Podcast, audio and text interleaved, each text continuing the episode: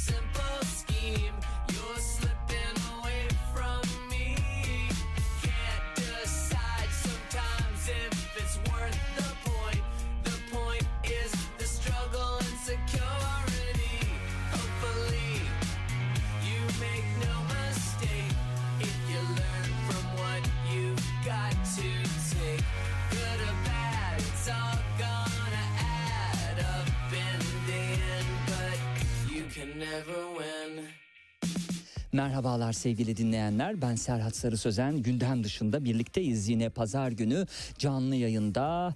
e, keyifli bir gündem hazırladık. Programın ilk kısmında öyle kolay kolay her yerde e, duyabileceğiniz bir sohbet olmayacak. Almanca seyahatnamelerde Osmanlı şehirlerinin izini süreceğiz stüdyo konuğumla. Stüdyo konuğum peki kim? E, doktor, akademisyen Aysel Kaya. Hoş geldiniz. Hoş bulduk Serhat Bey. Tabii bizim programımızın e, özelliği evet akademik konulara da giriyor olsak bunu pazarın vermiş olduğu o hafta sonu coşkusuyla birlikte keyifli biçimde ele almak.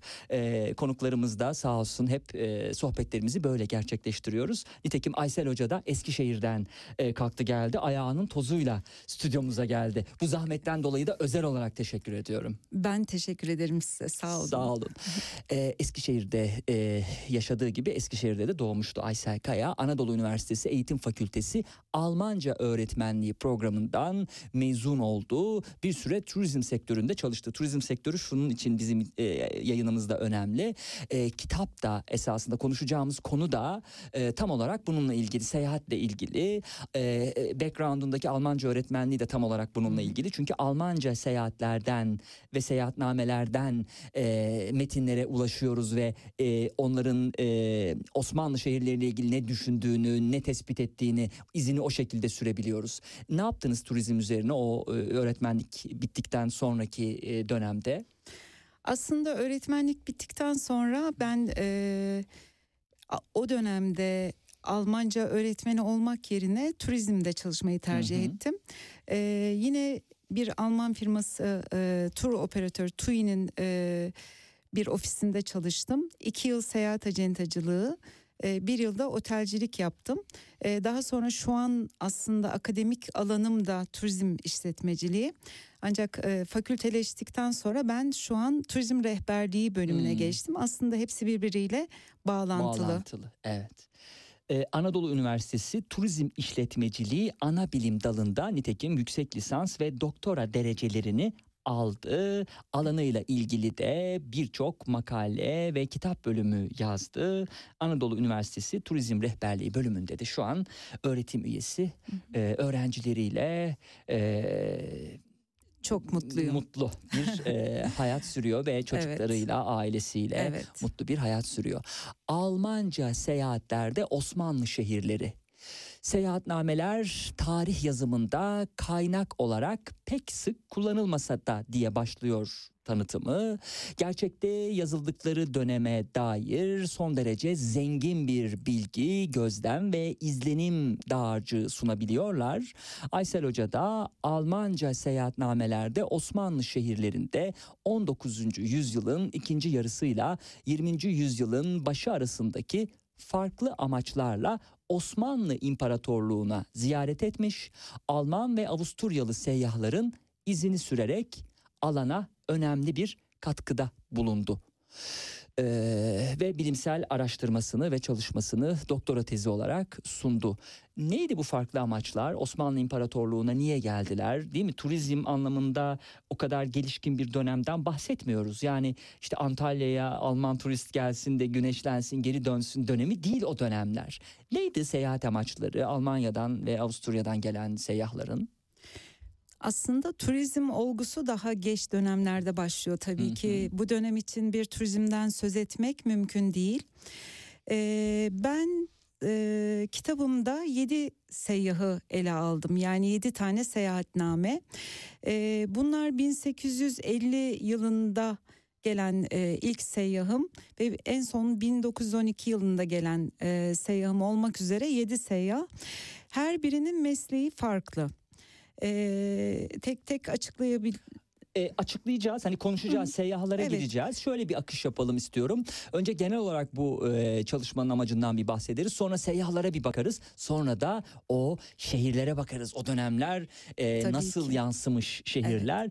Bize anlatılanlarla örtüşüyor mu değil mi? Çünkü tarih yazımı da var esasında bunda. Sadece bir seyahatname gibi bakmamak lazım. Yani İstanbul ya da diğer şehirler Bursa gerçekten de bize anlatıldığı gibi miymiş? Bir e, bir cross check de yapmış e, oluruz bu sayede.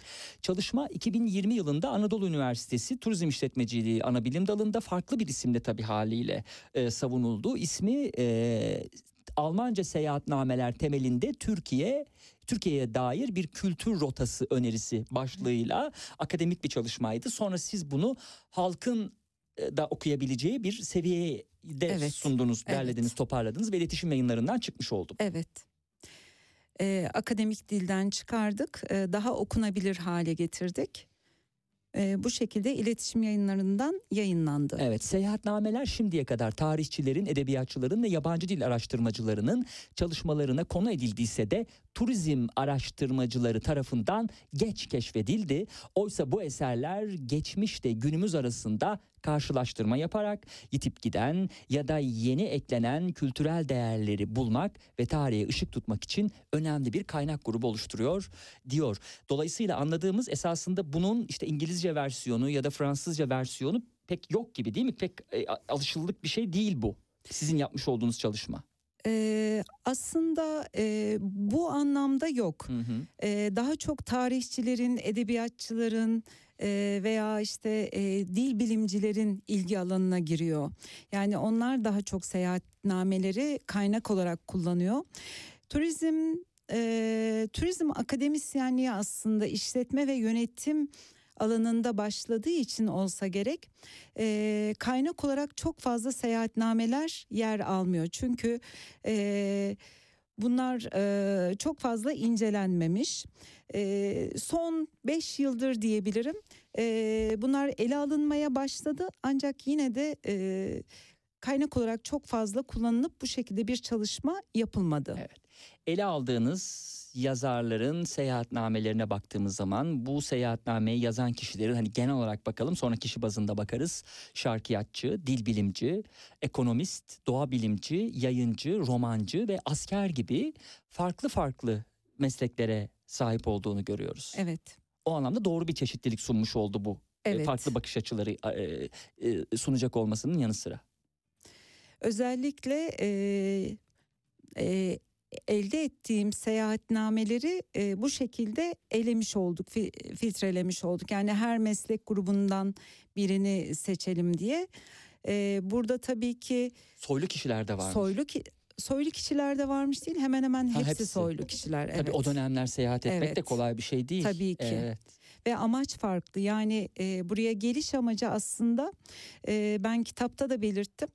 Bu seyahatnameler normal bir gezi notu veya işte bugün şuraya gittim bunu gördüm siz de gidin şeklinde bir e, yazı Hmm. gezi yazısı değil. Hı. E, bunların bir kısmı e, Alman devletine, Alman hükümetine sunulmuş Hı. raporlardı. Hmm. Yani bunun başında e, örneğin e, tarihçilerin Golç Paşa olarak bildiği bir asker vardır.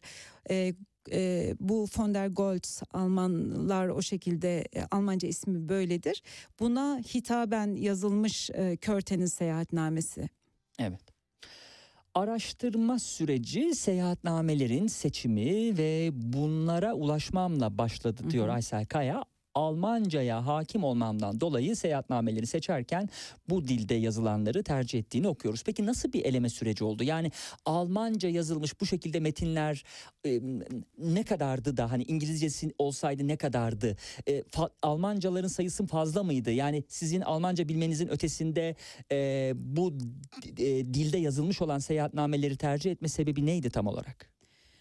Aslında sadece Almanca değil İngilizce ve Fransızca hatta Rusça da çok fazla seyahatname var. Çünkü o dönemde Türkiye'ye gelen daha doğrusu Osmanlı Devleti'ne e, gelen seyyahların e, hemen hemen tümü e, bunları raporlaştırmışlardı. Yani seyahatname dediğimiz e, e, kitapları yazmışlardı.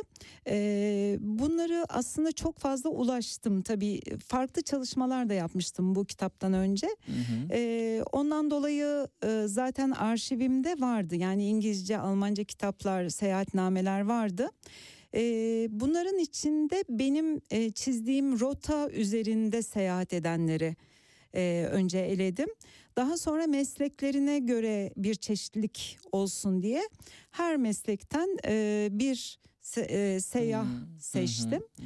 O şekilde e, aslında e, seçimi yapmış oldum. Seyyahların nasıl e, gezindiği de benim kitabı okurken merak ettiğim konulardan bir tanesiydi. Çünkü bu kadar yaygın e, ulaşım araçları söz konusu değil. Hele ki uçak. E, sonra şunu gördüm. E, seyyahlardan von e, Bodemeyer Hı hı. değil mi?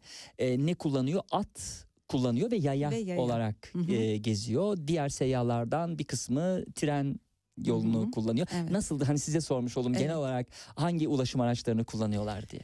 Ee, şimdi 1892'de Berlin Bağdat Demiryolu e, Eskişehir hattı işte İstanbul Es- e, Ankara hattı tamamlanıyor. Hı. Eskişehir'deki e, hat e, 1892'de yani benim rotam oradan olduğu için Eskişehir hı. özellikle söylüyorum. Hı. E, ve burada şimdi 1850'de e, şarkiyatçı olan Mortman, Andreas David Mortman e, o dönemde demiryolu olmadığı için o daha çok e, yaya ve atlı arabalarla Hmm. seyahat ediyor. Zaten İstanbul'da yaşıyor. E, diğerleri daha çok demiryolunu tercih ediyorlar. Hem güvenlik açısından hem de e, Alman hükümetinin aslında onlara sağladığı bir kolaylık. Çünkü demir yollarında genelde istasyon müdürleri Alman Hı. ve bunlar gelmeden önce zaten e, nerede kalacakları, kimlerle görüşecekleri bildiriliyor Hı hı. ve bu şekilde daha rahat ve güvenli e, seyahat ediyorlar. Bodemeyer'in, von Bodemeyer'in de e, atla ve yaya olarak e, seyahat etmesinin nedeni e, onun e, doğa bilimci oluşu. Hı hı.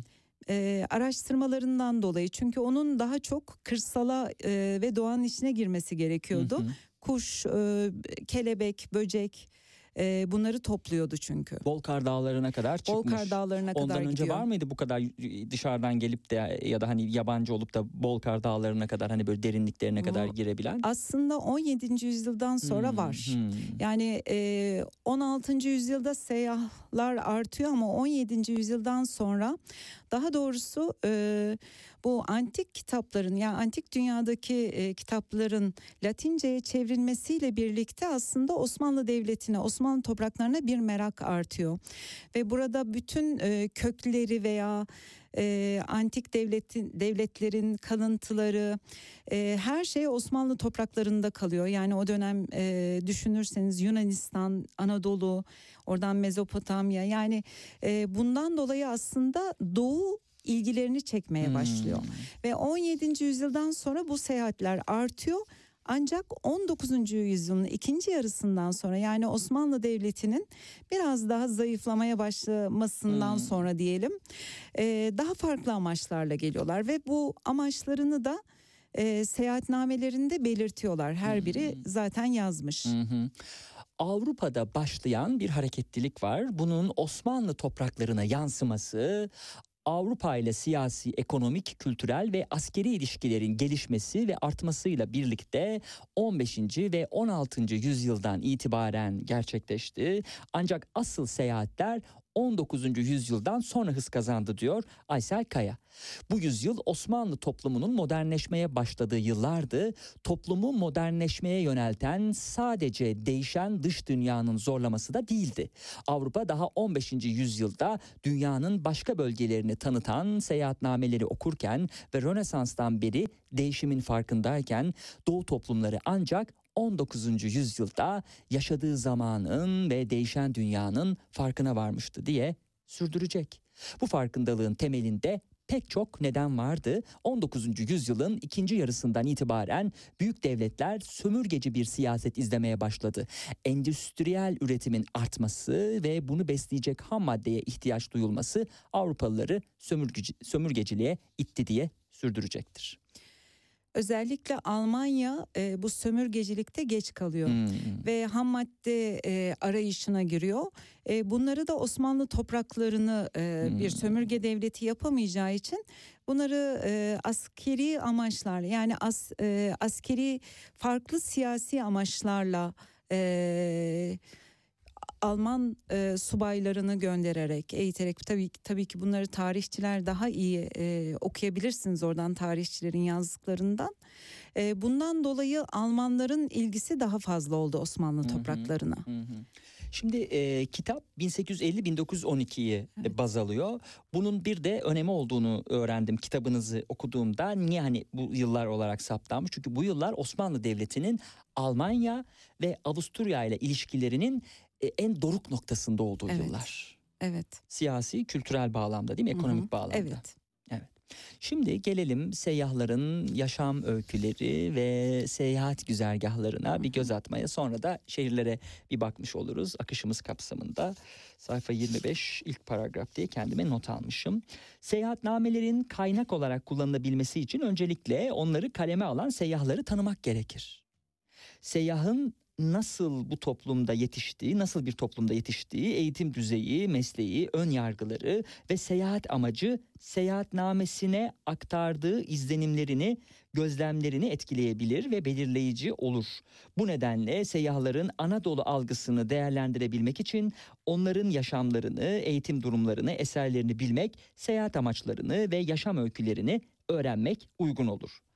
Keza seyyahlar seyahatnamelerini yazarken ziyaret ettikleri coğrafi bölgeye ve yaşadıkları döneme ait izlenimlerini, ziyaret amaçları ve uzmanlık alanları doğrultusunda aktarırlar diye sürdürüyor.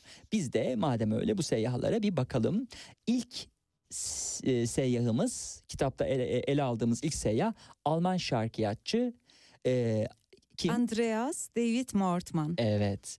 Onun mektuplarının yer aldığı eser. Franz Babinger ele almış. Aslında orada tabii ben 1925 yayınını aldım ancak e, seyahat dönemi e, 1850-1858 arası. Hmm. Andreas David Mortman'ın. E, Andreas David Mortman e, bir şarkiyatçı evet. E, bu İstanbul Ticaret Mahkemesi kurulduğunda e, buraya hakim olarak atanıyor Hmm. ve İstanbul'a yerleşiyor. Hatta İstanbul'da vefat ediyor. Yani hı. e, Feriköy'de mezarı. Türkçe'ye hakim bir Türkçe'ye de hakim, hı. Arapça'ya hakim. Hmm. E, bu nedenle e, bu e, Kuzey Ege e, veya e, Kuzey Ege, Kütahya, buradan Trabzon, Hmm. e, Şöyle aktarmışsınız Kapadokya'ya değil mi? Kapadokya, evet. Pontus üzerinden Kapadok hatta biraz daha baştan alalım. Kuzeybatı Anadolu'dan yola çıkarak Pontus Kuzeybatı. üzerinden Kapadokya'ya, oradan Misya bölgesine, Kuzeydoğu Anadolu'ya ve Bursa üzerinden Çanakkale'ye ve Karadeniz'in kıyılarına kadar seyahat, seyahat etmiş. etmiş. Evet. Ve adım adım seyahat ettiği için artı bunlar birbirini takip eden seyahatler. Yani bir kez e, işte bir ay seyahat edip ülkesine dönmüyor. Tekrar İstanbul'a döndüğü için tekrar tekrar e, seyahatlerini e, e, yineliyor. Hmm. E, bu nedenle daha e, güzel bilgiler ediniyoruz aslında. Çok daha e, detaylı bilgiler ediniyoruz Evet. Mortman'da. E, bu arada e, başta söylemeyi atlamış olabiliriz ya da biraz hızlı geçmiş olabiliriz. Seyahatname dediğimiz şey sevgili dinleyenler seyahat diye başlık attığı bir şey değil bu insanların. Örneğin e, ilk e, seyyahın aslında seyahatname olarak kabul ettiği ki e, başlangıçta da bunu ifade ettiği şey mektuplar. Bu mektuplarında daha çok toplumsal yaşam, antik kentler, doğal ve kültürel yapı üzerine bilgiler veriyor ilk seyyah. Evet. Ve Aysel Kaya da tablolarla e, gün gün nereleri dolaştığını yine harita üstünde Hı hı. nasıl dolaştığını bize aktarıyor. Ee, aslında o haritalar benim sadece kitabın e, güzergahıyla sınırlı. Hı hı. Ee, bazıları tabii çok daha fazla yer dolaşıyor. Ee, örneğin e, az önce de konuştuk. Bolkar Dağı'na kadar gidiyor e, hı. Fon Bodemer ama ben sadece kendi güzergahım içinde aldım. Evet. İkinci seyahatnamenin yazarı ekonomist Hı hı.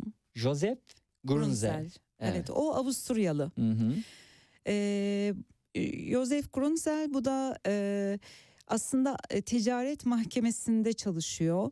E, bunlar e, doktoralı insanlar aslında e, hem Mortman, Mortman felsefe alanında doktorası var. Grunzel'in de e, siyaset bilimi alanında doktorası var.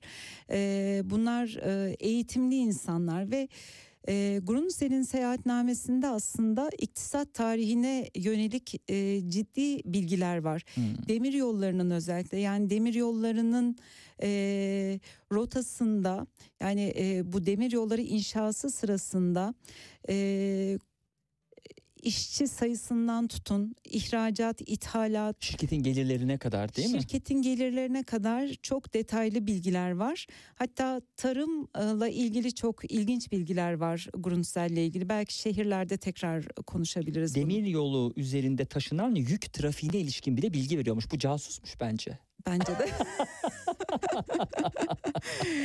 Değil mi? Çünkü tablo tablo yani kilogram veya işte pezo üzerinden değeri e, veya işte kuruş. Çünkü bu bir gezi merakıyla açıklanabilecek bir şey değil. Mümkün değil. Peki e, ama en azından kullanışlı bir e, ajanmış da biz de e, verilerinden yola çıkarak e, farklı bir e, teşekkür çalışma edelim. yapmış olduk. Teşekkür ederiz. Evet. Üçüncü seyahatnamede bu defa bir asker, evet. yüzbaşı, rütbeli bir asker olan kim? Ee, E, Ri- Richard? Richard von zu Eisenstein. Hmm. Bu arada Almanca bilmeyenler için bir e, parantez açayım. E, bu soyadında von veya von'un su Hmm. varsa bu asalet göstergesidir. Yani Ah, asil bir asillerde olur. asker, Evet. Bu e, biliyorsunuz e, işte Hollanda'da Van veya işte İtalya'da İspanya'da di da şeklinde de karşımıza çıkar. Evet. Almanca'da da bu fon gördüğünüzde bilin ki asildir. Hmm, asildir peki. Evet. Tamam süper. O asil ayaklarıyla ve çizmeleriyle nereleri gezmiş acaba bu üçüncü e, seyyahımız? Gezdiği bölgelere ilişkin ne yapmış? 458 fotoğraf, 5 harita, meteorolojik gözlemlere yönelik 7 tablo ve bir seyahat haritası yayınlamış. aslında e, bu topraklardan önce beş kıtayı gezmiş. Yani Hmm. Peru'dan tutun Hmm. Afrika'da ve gittiği her yerden e, oranın kültürüne ait e, eşyalar da toplamış, koleksiyon yapmış. Yani giysilerden tutun tarım aletlerine gördüğü her şeyi aslında toplamış ve meteorolojik veriler bile var. Yani işte bugün 20 Kasım, 21 Kasım, 21 Kasım'da hava sıcaklığı, işte rüzgarın hızı ee, bunlara dair çok detaylı bilgiler var ve fotoğrafları da kitabın kapağındaki fotoğrafta yine Hmm, Eisenstein'ın hmm, e, bir fotoğrafı, Fotoğrafı, hmm. 1912 yılından. Evet. E, dördüncü seyahatname esasında daha önce konuştuğumuz doğa bilimci Hı hı. e, Edward değil mi? Von der Von- Bodemeyer. Evet. Ee, bu Oradaki şey ilginç. E, hemen e, kesiyorum. Hemen lütfen dönün. E, keşfettiği birçok böcek, kelebek ve kuş türünü e, ülkesine de götürmüş. Bu da Tabii. enteresan bir bilgi. Bu 1900 yılı ve e, bu Alman Entomoloji Enstitüsü vardır e, Berlin'de Eberswald e, bölgesinde. E, eski adıyla Alman Entomoloji e, Enstitüsü. Burada hala e, Gökdağ'dan giden e, şeyler vardır, böcekler vardır. Ve e, bitki, böcek, e, kuş türleri e, bunları hem e, konserve ederek e, ülkesine götürmüş hem de e, bunların araştırmasını yeni türler keşfetmiş. Hmm. E, seyahatnamesi yani ben burada seyahatname diyorum ama daha önce konuştuğumuz Hı için aslında hı. raporu Tabii. raporun arkasında e, eğer ilgilenen varsa doğa bilimciler e, bu yeni keşfettiği türleri sıralamış aslında bir sonuç bölümü de yazmış. Hı hı. Ee, ve kendilerinden sonra gelecek olanlara da aslında işte Bilecik'e gidin. Bilecik'te lepi, lepidopterolog yani Hmm. kelebek bilimciler Bilecik'e gitsin diyor veya Hmm. e, böcek bilimciler Eskişehir'in Kocakır e, mevkiine Hmm. gitsin diyor. Kendinden sonrakilere de aslında yol gösterici. Hmm.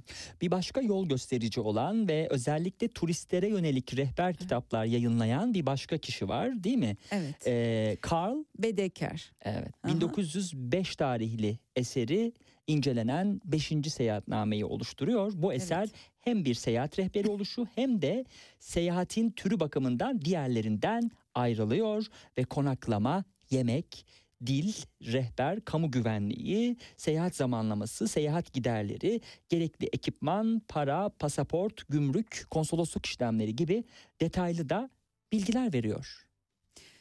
Ee, Karl Bedeker'in ben her ne kadar 1905 kitabına ulaştıysam da aslında daha önceden başlamış. Yani Avrupa'nın e, Almanya Avrupa'nın ilk seyahat kitabı yazarıdır. Hmm. Ve bu bir yayın evi sahibi ve yazdığı yerleri mutlaka kendisi gidip bizzat araştırıyor veya e, çok güveniyorsa da yani çok güvendiği kişileri gönderiyorsa da mutlaka tekrar gidip kontrolünü yapıyor. Bu anlamda e, bir seyahatte gerekli olan her şey sizin de az önce söylediğiniz Hı hı. gibi konaklamadan, e, seyahat hazırlıklarından veya işte orada para bozdurma, döviz, eczane nerede, doktor hangi doktora gideceksiniz, e, postaneyi nerede bulacaksınız E, veya böyle küçük küçük işte anlaşmaya yönelik birkaç ifade, Evet. e, bir arabayı nasıl çağıracaksınız gibi. Evet. Altıncı seyahatnamenin yazarı bir arkeolog Hı hı. aynı zamanda Hı hı. kardeşiyle birlikte Evet. bir kazı yapıyorlar Hı hı. ve e, buradan yola çıkarak biz de verilerine ulaşabiliyoruz. Hı hı. Aslında dil bilimci e, Alfred Körte, e, kardeşi Gustav Körte e, arkeolog. Aslında onun da arkeoloji eğitimi var ve bu e, Ankara Polatlı'da Gordiyon kazı alanını ilk keşfedenlerden. E, benim seyahatnamem incelediğim 1896 tarihli. Zaten burada yavaş yavaş keşfetmeye başlıyorlar. İşte demir yolu yapan mühendisler e, bunlara işte şurada kalıntılar var diye birbirlerine haber veriyorlar ve e, seyahatnamede ondan bahsediyor. İşte e, mühendisler bize haber verdi gidip onlara bakacağız diyor ve kazıları ilk kazı e, 1900 yılında yapılıyor. Yani bu kitaptan 4 yıl sonra tekrar kazı Hmm. için geliyorlar. Evet. İlk kontrollü kazı aslında yani Osmanlı Devleti'ndeki ilk kontrollü kazı olması bakımından e, Gordion'da önemli bir e, antik kent. Evet. E, önemli bir alan kazı. alanı. Körte'nin eserlerinde Haydarpaşa'dan Ankara'ya, Eskişehir'den Kütahya'ya yaptığı seyahatlerinde Anadolu'daki Selçuklu yapıları, Eskişehir'deki Lületaşı ocakları ve kolera salgını, İnönü'nün karantina altına alınması, Anadolu'daki Ermeniler ve özür dilerim başına bir şey eklemem lazımdı. Anadolu'daki e, affedersiniz Ermeniler nasıldı öyle miydi? E, ne, ne diyorduk? Değil mi affedersiniz Ermeniler diyorduk. Bir, bir Bilmiyorum. şey konması gerekiyordu onun. Ee, ve Türklerin ulusal çabaları Anadolu'daki temalı kaynaklar, termal kaynaklar düzeltiyorum. e, hamam gelenekleri ve Afyonkarahisar'daki mermer Mermer. ocaklarına dair ayrıntılı bilgiler de Evet. içeriyormuş. Altıncı seyahatnamede tamam. Yedinci seyahatnamenin yazarına o halde geçelim. Sonuncu e, olarak romancı bir Hı hı. kişi bu- burada karşımıza çıkıyor. Biraz aykırı, Hmm. yaramaz çocuk. Hmm. Hatta e, Ama Irk- asil. Fon var. e, ailesi asil diyelim. Asalet zaten oradan gelir. Şöyle Peki. hatta e, okul döneminde özel okulda e, artık ne yaptıysa e, oradan atılmış. Evet. E, Bismarck'ın ricasıyla geri alınıyor. Hmm. Ee, sonra sanırım tabii ben bunu yorumluyorum da ee, sonra diyorlar ki bu e, çocuğu biz e, gönderelim de işte Afrika'ya, Asya'ya, Türkiye'ye gitsin işte roman yazsın. e, Evet. biraz gezsin, tozsun, incelesin. Ee, biraz ırkçı söylemleri var. Yani Asyalılar için sarı Hmm. tehlike diyor mesela. Hmm. Ee, burada da onu almamın sebebi de farklı Orada bir baş, bakış dönemin başbakanı Bismarck'a kadar ulaşabildiğine Tabii, göre tabii, etkin tabii. bir aile. Tabii tabii aile Hmm. olarak kesinlikle ama bu biraz hayırsız evlat diyelim. Hmm. Ee, o yüzden e, sen git gez demişler buna. Hmm. Ee, hatta e, en e, aslında e, sert eleştirileri bunda görüyoruz. Hı hı. Biraz alaycı bir tavrı var. Hı hı. Yani insan okurken bazen sinirlenebiliyor Hı. tabii söyledikleriyle Hı hı. ilgili ama Kitapta da vardı ama hani örnekleyecek Evet, olursak evet. dinleyicilere. e, kitapta da vardı şu anda. Tamam peki ben e, ilgili Ama alaycı alaycı tavırları var. Örneğin Hı hı. işte Türk insanıyla ilgili olsun, karşılaştığı kişilerle olsun. E, hiçbir şeyi beğenmeyen bir tavrı var. Hı hı. E, yukarıdan bakan, küçük gören bir tavrı var. O bir, bir taraftan bulmaya çalışıyorum. Ben bulmaya çalışırken e, cümleyi e, kestiğiniz için teşekkür ederim size. Hiç e, şey değil, e, önemli değil. E, özelliği de dilinin özelliği de aslında anlattığı yerleri bir roman yazarı olarak Evet. anlatıyor olması ve o şekilde ulaşıyor olmamız değil mi bilgilere? tabii ki macera kitapları yazıyor aslında.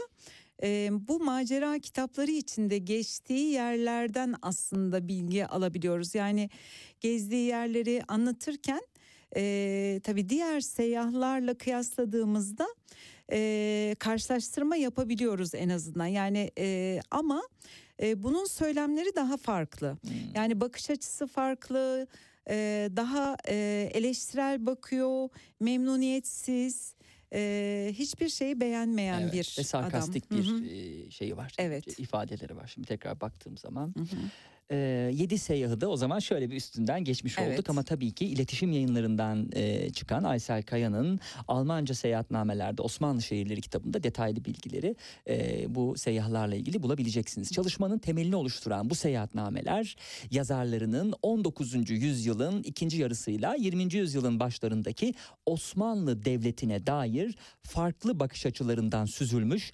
izlenimlerinin de gözlemlerini sağladı. Burada ele aldığınız seyyahların gezgin olmalarının e, ötesinde Alman devletin izniyle gelmiş hatta görevlendirilmiş kişiler olduklarını da Aysel Kaya gördüğünü kitabına ekledi. Buradan hareketle çalışmada da 1850-1912 yılları arasında Osmanlı Devleti'ne çeşitli amaçlarla seyahat eden Alman ve Avusturyalı seyyahların seyahat izlenimlerini e, şimdi e, şehir şehir inceliyoruz. Evet. İstanbul ilk olarak sizin de ele aldığınız Hı hı. şehir.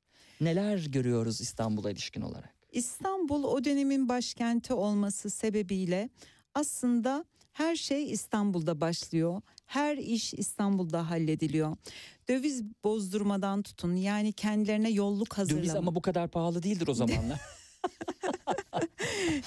Değildir o karşılığını yazmıyorlar ama Peki. Ee, buradan e, seyahat hazırlıklarına yani kendilerine araç temini veya konsolosluktaki resmi işlemler e, veya kendilerine e, yiyecek e, temin ederken işte konserveler alıyorlar veya hazır e, çorbalar alıyorlar. E, bunların hepsinin teminini İstanbul'da yapıyorlar. Hmm. İstanbul bu anlamda önemli. Ee, ve tabii ki İstanbul dediğimizde daha çok Pera'dan bahsediliyor. Hmm.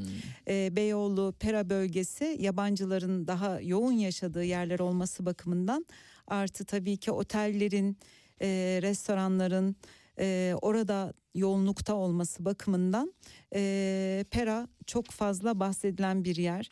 Tarihi aslında o e, kitapta çok e, sonsuz olduğu için detaylarıyla alamadım ama e, turizm tarihi içinde ayrıca çalışılabilecek şeyler İstanbul e, hakkında yazılanlar. Müzeler olsun e, camiler e, gezilecek yerler e, bunların hepsi detaylarıyla e, açıklanmış.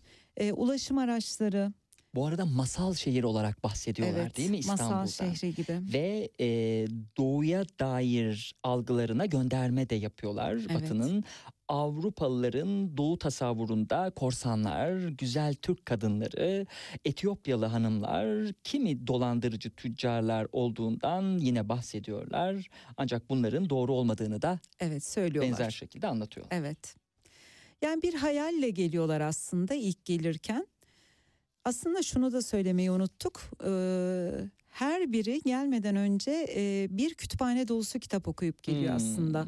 Yani güzel. e, örneğin bir Berlin'de yola çıkmadan önce kütüphaneye girip e, hangi kitapları okuduklarını da yazıyorlar ve e, bunlar hep ardışık şekilde kendilerinden daha önce e, Osmanlı topraklarına gelmiş kişiler bunların yazdıklarını okuyorlar kendileri de e, daha sonra gelecek olanlara yol gösterici bilgiler Hmm. veriyorlar notlar veriyorlar E, bu anlamda e, yani e, seyahatler aslında e, doğu kapısı diyebiliriz bence İstanbul'a. Hmm. Yani e, doğuya açılan bir kapı.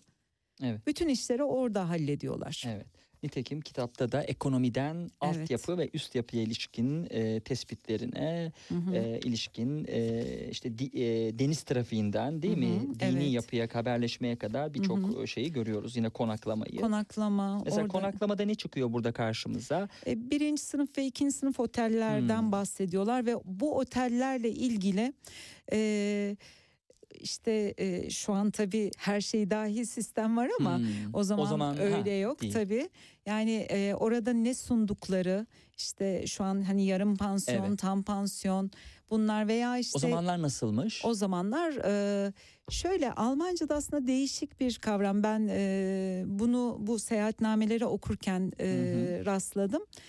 E, Almancası Gabelfrühstück diyor. Yani çatal kahvaltısı gibi ama bizim şimdi brunch dediğimiz. E, kahvaltı aslında genelde onu alıyorlar ama onu ekstra ücretli Hmm. alıyorlar.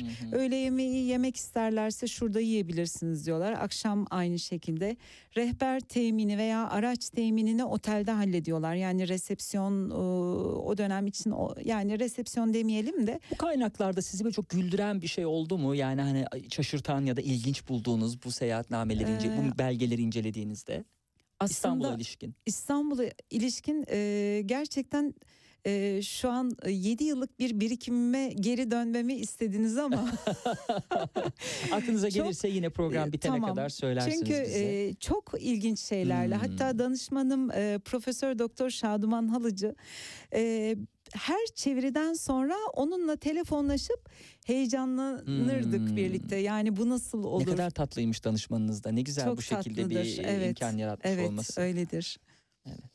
Ee, şimdi başka hangi şehirler var? Sakarya var İstanbul'dan mesela. sonra Sakarya var. Evet. Sakarya'da daha çok e, Sapanca ve Gökdağ yani o e, Sapanca daha fazla yer alıyor. Adapazarı'ndan da bahsediliyor. E, daha doğal yapısıyla aslında Sakarya öne çıkıyor. Ama e, şunu söyleyeyim. e, bu ekonomist demiştik ya Grunsel Hı hı, Avusturyalı hı olan. hı hı. Ee, bu ekonomist e, şundan bahsediyor. İşte e, bu bin e, Berlin-Bağdat demiryolu hattı ile birlikte Almanlara biz bazı imtiyazlar veriyoruz. Hı hı. E, hat boyunca 20 kilometre sağda ve solda 20'şer kilometre e, boyunca bu miri araziyi kullanma, Hmm. işte maden arama gibi Hmm. imtiyazlar veriyoruz. Bu nedenle onlar da istedikleri gibi aslında hattı çizip e, rotayı götürüyorlar ve e, şeyden bahsediyorlar. Yani şimdi ham madde arayışı Hmm. biliyorsunuz zaten hı. o amaçla ilk hı, e, doğru, amaçları oydu doğru. ya.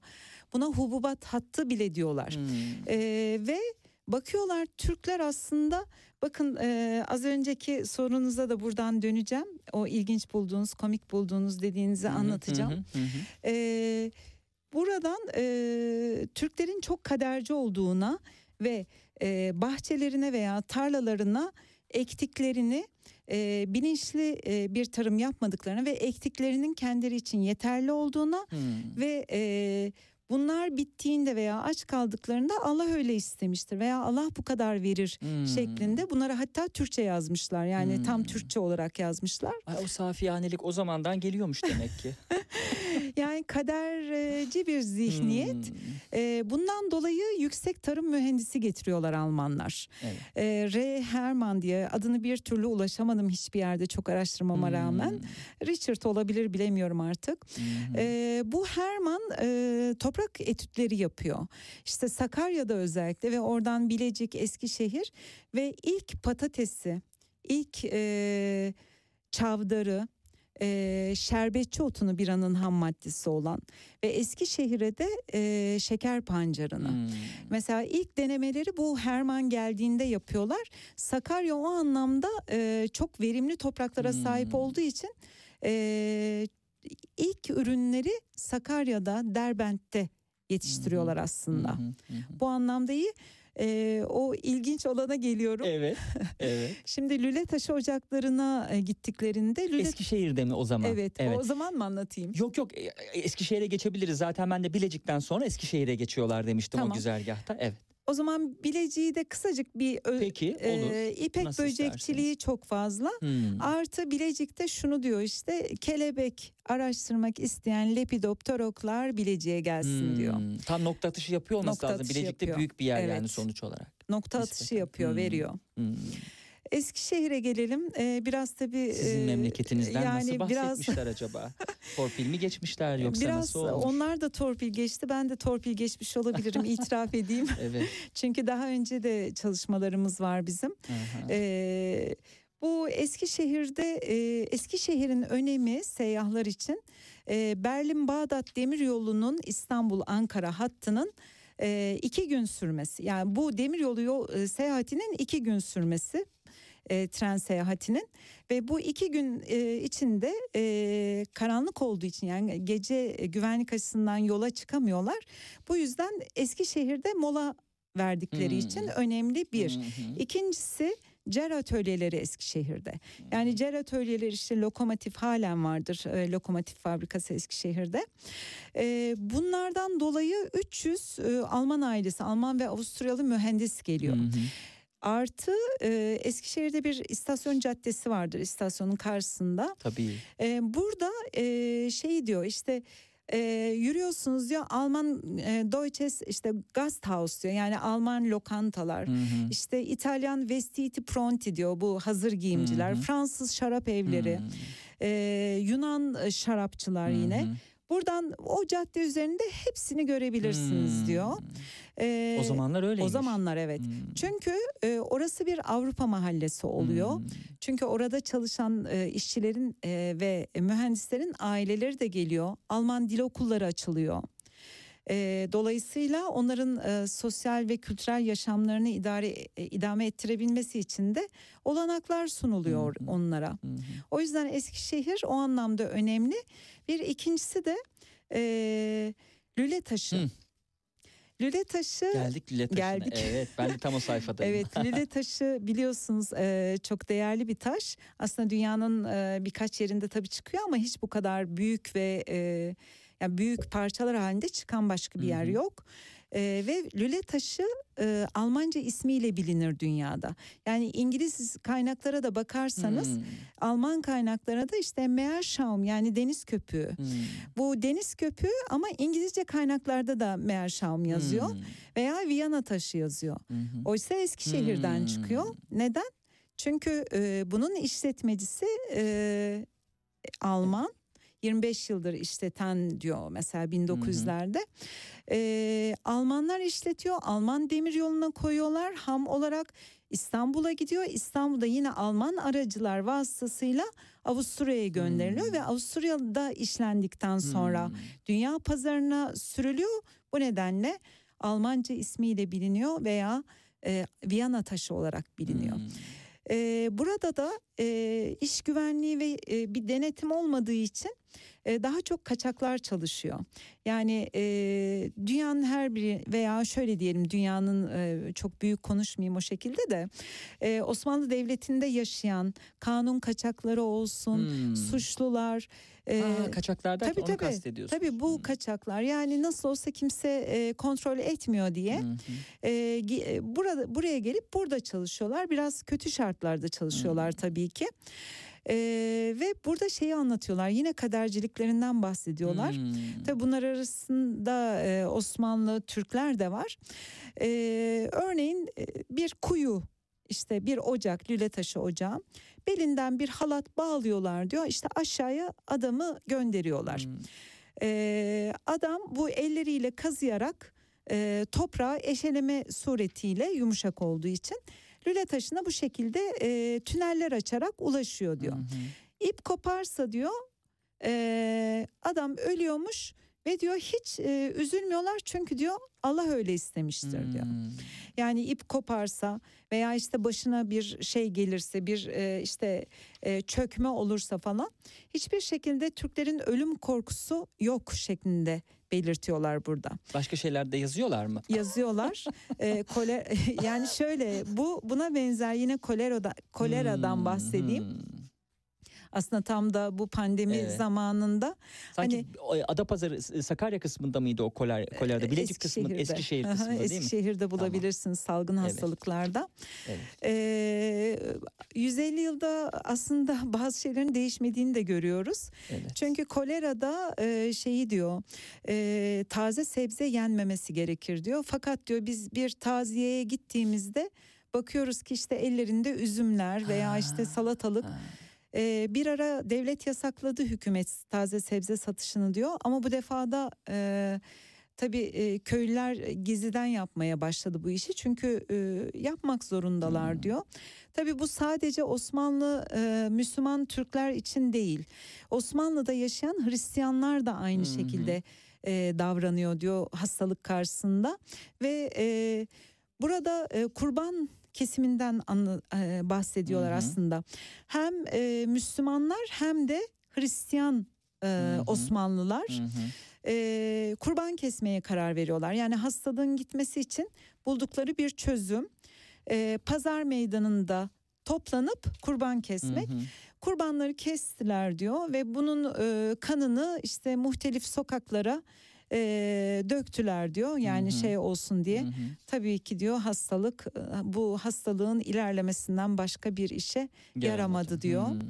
E, bu şekilde anlatıyorlar. E, karantina e, tedbirlerinden e, bahsediyorlar orada. Evet. Detaylı bir Eskişehir gezmeye doyamadığımız e, şahane bir şehir ama o Herkesi zamandan bekleriz. o zamandan demek ki şehrinizin o Evet. güzelliği, dillere destanlığı bakın seyahatnamelere kadar geçmiş. konu olmuş. Yani bu demir yollarının öncesi için bahsetmeyelim tabii. O zaman ıssız, sessiz, Hmm. sakin hı. bir bozkır iken hı e, hı. 1892'den sonra hareketleniyor demir yolları ile Hmm, birlikte. Evet. Ee, Doktor Aysel Kaya'nın e, Almanca seyahatnamelerden yola çıkarak izini sürdüğü Osmanlı şehirlerinden e, diğer kalanları ki vaktimiz tabii yetmedi bunları artık kitaba bırakıyoruz. E, Bursa ve İznik'ti. E, süremizin sonuna doğru geldiğimiz için hızlı geçmiş geçti bence. Çok çabuk geçti. Ee, evet o yüzden onları Çok artık e, Bursa ve İznik'e ilişkin e, kitaba bırakalım. Hı hı. Ee, size e, daha önce de programda konuk ettiğimiz Hicran Tülüce'nin Kalpleri Ayarlama Enstitüsü adlı kitabını veriyoruz. Sağlıklı bir kalp için kalbini dinle ve ruhunu formatla alt başlığıyla. Çok teşekkür Yolda ederim. belki Eskişehir dönüşünde e, belki oku, okuya, okursunuz. Ee, Okuturum ben kullanıyorum Ha, siz çünkü. kullanıyorsunuz aracı peki. Çok Se- teşekkür ederim. Sağ olun. Sevgili dinleyenler programın ilk kısmı için e, Anadolu Üniversitesi'nde öğretim üyesi olan Doktor Aysel Kaya'yı ağırladık. Tekrar ayaklarınıza sağlık. Çok teşekkürler. İyi ki geldiniz de biz de e, keyifle sizinle bir saat e, yapmış olduğunuz çalışmanın derinliklerinde böyle gezinmeye çalıştık. Sağ olun. Ben teşekkür ederim bu fırsatı sunduğunuz için, beni misafir ettiğiniz için. Çok teşekkür ederim. Bizim için bir zevkti. E, Benim tüm için de. öğrencilerinize de sevgilerimizi iletiyoruz. Ben de. E, bu Hı hı. İstanbul stüdyolarımızdan dakikalar içerisinde sevgili dinleyenler e, Selin Yazıcı'ya 17 haberlerine bağlanacağız.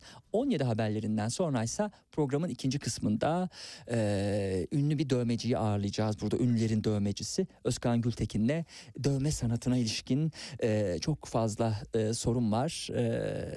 Onları bir konuşacağız. Gündem dışı.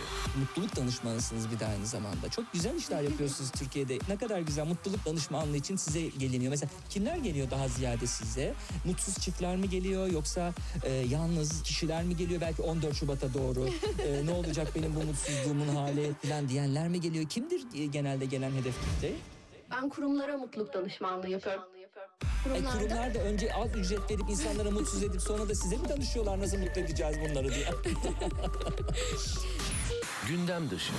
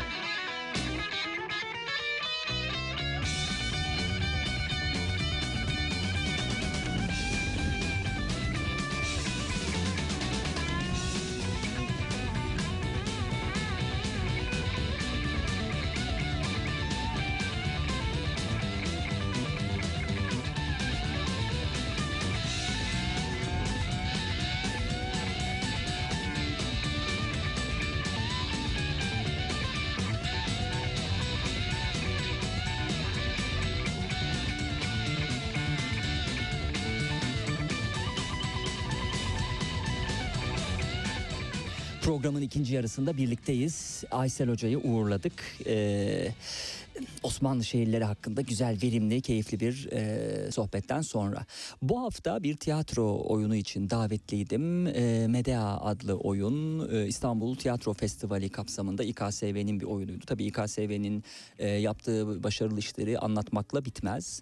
E, ama 80 dakikalık Medea oyunu nasıldı diye soracak olursanız e, yorucuydu diyebilirim. Bir kere Flemenkçeydi. E, tiyatroyu da üst yazıyla e, izlemesek de olabilir. Ee, öte taraftan e, üst yazının verildiği ekranın beyaz olması ve beyaz altyazı olması e, oyunu anlaşma e, oyunun anlaşılmasını da iyice zorlaştırdı. Ee, oyuncuların e, Hollanda'dan gelen oyunculuklarına çok bir itirazım yok ama e, oyunun yönetimi ve senaryosu anlamında başarılı bir oyun olmadığını e, söylemem lazım. E, Zorlu Performans Sanatları Merkezi'nde gösterildi oyun ama tabii Medea'yı arıyoruz. Orijinal Medea'yı arıyoruz. Yani böyle anlı şanlı e, o oyunu arıyoruz. E, fakat e, o oyun e, Hollanda e, ailesine e, konu bakımından indirgenmiş. Dolayısıyla esas konudan uzaklaşılmış. E, milattan önce 5. yüzyılda oynanan e, oyun ya da o konuyu esas alan e, konu gitmiş. Yerine bambaşka bir e, oyun gelmiş. 2015 yılında e, itibaren ödüller de kazanıyor E, ama e, yani Medea adlı oyun benim beklentimi karşılamayan 80 dakikalık bir e, oyundu bu Hollanda seçkisi. Şimdi e, programın ikinci yarısı için e, başka bir e, konuğumuz olacağını duyurmuştuk. Alışıllığa geldiği üzere ikinci kısmında her bölümde ayrı konuk. Bu defa ele alacağımız konu dövme sanatı. Kimi çağırabiliriz, kimi çağırabiliriz diye düşündük. E, bu konuda önemli isimlerden birini çağıralım dedik. Ünlü bir dövme sanatçısı olsun dedik tabii ki. E, bu kapsamda Özkan Gültekin'e ulaştık. Hoş geldiniz. Teşekkür ederim. Hoş bulduk. Öncelikle davetiniz için tekrar sağ olun. Teşekkür ederim. Zevkle. Ben geldiğiniz için teşekkür ederim. Pazar günü. Benim için zevk. Ee, sağ olun. Şimdi e, dövmeden biraz bahsedeceğiz. Sonrasında da Özkan Gültekin'in yaptığı diğer işlerden de e, bahsedeceğiz sevgili dinleyenler. Daha doğrusu kendi işlerinden bahsedeceğiz. Diğer işler derken Evet. dövme üzerine konuşacağız e, tabii şüphesiz. Küçük bir sahil kenti olan Karadeniz Ereğli'de Evet, Zonguldak Ereğli. 1992'de doğdu. Doğru. E, lise sona kadar olan öğrenim hayatını burada tamamladıktan sonra İstanbul'a ilk adımını da 2010 yılında attı üniversite öğrenimi Evet, için. İstanbul Teknik Üniversitesi Maden Mühendisliği bölümü Hı hı. için geldim. Hı hı. Oradan mezunum. Evet. Kendi işinizle ilgili maden mühendisliğiyle ilgili bir şey yapmadınız diye Bir biliyorum. yıl çalıştım Hmm. fakat bana göre olmadığını anladıktan Nasıl sonra bir bir yıldı ki o insan kendini tamamen o işten soyutlayıp bambaşka bir şey yap, yapar. Zor bir yıl Aslında mıydı? çok zordu. Yani Hmm. işe giderken insanın ayakları geriye gidiyorsa bence o işten bir an önce uzaklaşması Hmm, gerekiyor. Doğru. Doğru. Ben çok şanslıyım ki e, sevdiğim mesleği yapıyorum şu an. Eliniz kalem tutmaya başladığı günden beri Evet yaklaşık dövme 12-13 yapıyorsunuz. yaşlarında Evet. dövme yani kalıcı dövme değildi. Hı hı. Olsun hani genel Hint olarak kınasıyla dövme. evet Hı hı. geçici dövme yapmaya başladım. Ee, ailemin portrelerini çiziyordum kara kalem. Ha. Oyuncak arabaların resimlerini Peki çiziyordum. öyle mi olması gerekir? Yani bir dövme sanatçısının Biraz el yatkınlığı kara olması kalem gerekiyor. ya da resimde çizebiliyor olması mı lazım? Yani zorunluluk değil Hı hı. fakat görsel açıdan daha iyi olur. Gölge Hmm. geçişlerini Hmm. iyi yapabilmek için kalem yeteneğinin olması gerekiyor. Evet. 13-14 yaşında sahilde tabii Evet. büyü- yani büyüdüğü yerde Zonguldak Ereğli'de. Her yaz e, orada standlar açılırdı. Hmm. Geçici dövme yapanlar olurdu. Ben Hint de- kınasıyla değil evet, mi o Hint dövme? kınasıyla. Evet. Tabii telafisi olan bir şeyden telafisi olmayan Yani- bir şeye geçiş nasıl bir şeydir Biraz onu da soğukkanlı olmak konuşacağız. gerekiyor. Evet. 13-14 yaşlarında o Hint kınasıyla yapılan geçici dövmeleri izleyip nasıl yapıldığına bakmış Evet. ve sonrasında da mahalledeki bütün çocuklara gördüklerini uygulamış. Nasıldı mesela mahallenin e, bıçkın abisi gibi miydiniz ki gel sana da dövme Öyle yapacağım değil. nasıl diye denebiliyor Genelde yani. e, oyunları ben yönetirdim. Ha. Hani yeni bir oyun çıktıysa onu oynardık. Evet. Hani bizim yıllarımızda taso meşhurdu. Aha. Taso oynamayı çok severdik. Hmm. Onun dışında ben malzeme alıp hemen arkadaşlarıma dövme yapmaya Ha. başlardım. Evet. Herkes bana Peki da bana da çocuklar çocukların yaş ka- grubu kaçtı? Bu dövme Ben yaptığınız aynı yaşta genelde. deneme tahtası olan çocuklar.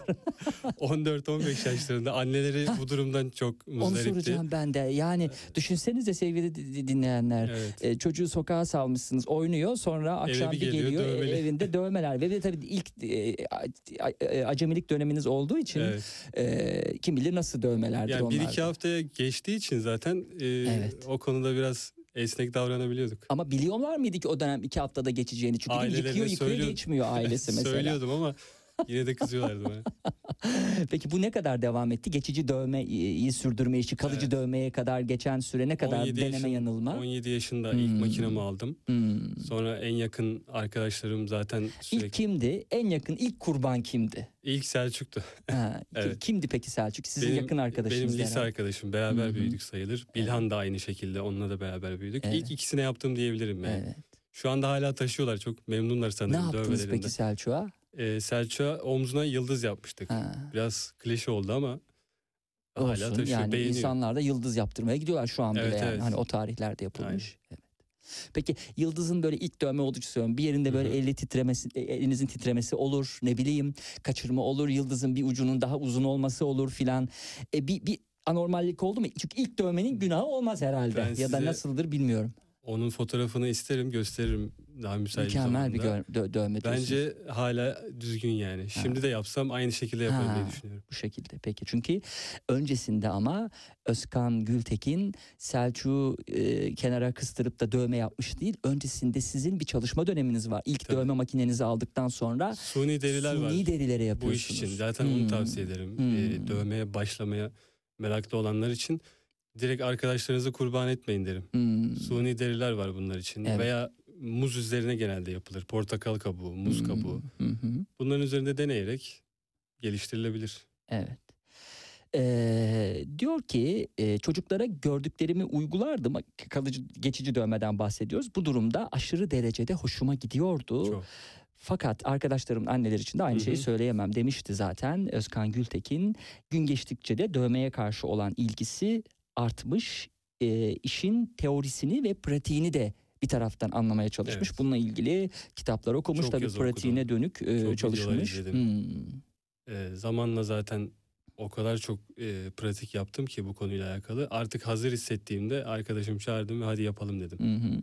Peki o dönemler e, şey mi vardı hani bir e, nasıl dövme yapılırın videoları mı vardı böyle bölüm bölüm? Yani hani şimdi, şimdi- her şeyin videosu var ya o dönemlerde Evet, var mıydı? Şimdiki anlamadım. kadar çok değildi. Hı hı. Yani ulaşmamız daha az oluyordu, zor oluyordu ama bir şekilde yapan ustalardan izleyerek, görerek uygulamasını yapıyorduk. Evet. Şimdi artık e, o halde e, eğitimini aldığınız mühendisliğe bir daha geri dönülmeyecek şekilde veda e, Evet. edildi. Dövme e, sanatının derinliklerinde devam ediliyor artık Hı hı. bundan sonrası için. Peki bu bir e, bu kariyer ilerleyen bir kariyer midir? Yani 5 sene e, sonra Özkan Gültekin e, daha e, ilerlemiş dövmeler mi yapıyor olacak ya da 10 sene sonra bu zamanla gelişen bir iş midir yoksa artık bir yere ulaştırdınız siz sanatı Hı hı. sanatınızı ve artık bundan sonraki dövmelerde çeşitliliğe sahip olabilir ama e, kalite bakımından bir fark olmayacak olan işler midir? Yani bu işin kesinlikle bir sınırlaması yok. Hı hı. Sürekli kendini geliştiren bir sanat grubu. Hı hı. Teknolojinin de gelişmesiyle makineler inanılmaz seviyeye geldi artık. Kablosuz makine kullanır olduk.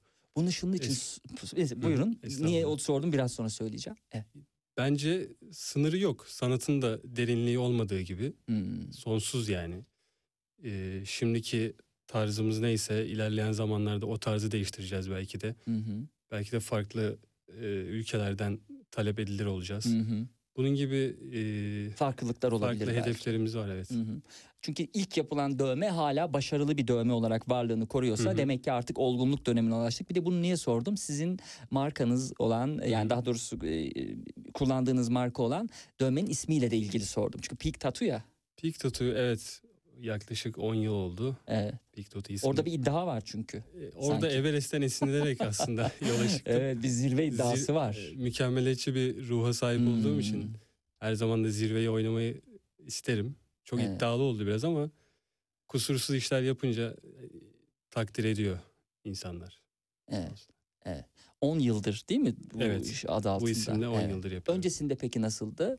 Talep üzerine mi çalışıyordunuz? Öncesinde yakın arkadaşlarımı sadece Hı hı. eş dost birbirlerini tavsiye ediyordu. Ben de o şekilde yapıyordum. Ee, peki sizin e, o deriyle karşılaştığınız Hı hı. anda e, size çıplak kolunu uzattı mesela e, dövme yaptırmak isteyen kişi. Hı hı. Hiç dövme yok tam, e, Tam boyanmak gibi. için istediğiniz gibi bir tuval. Evet. E, en yapmak istediğiniz, en hoşunuza giden şey yani size bıraksalar Hı hı.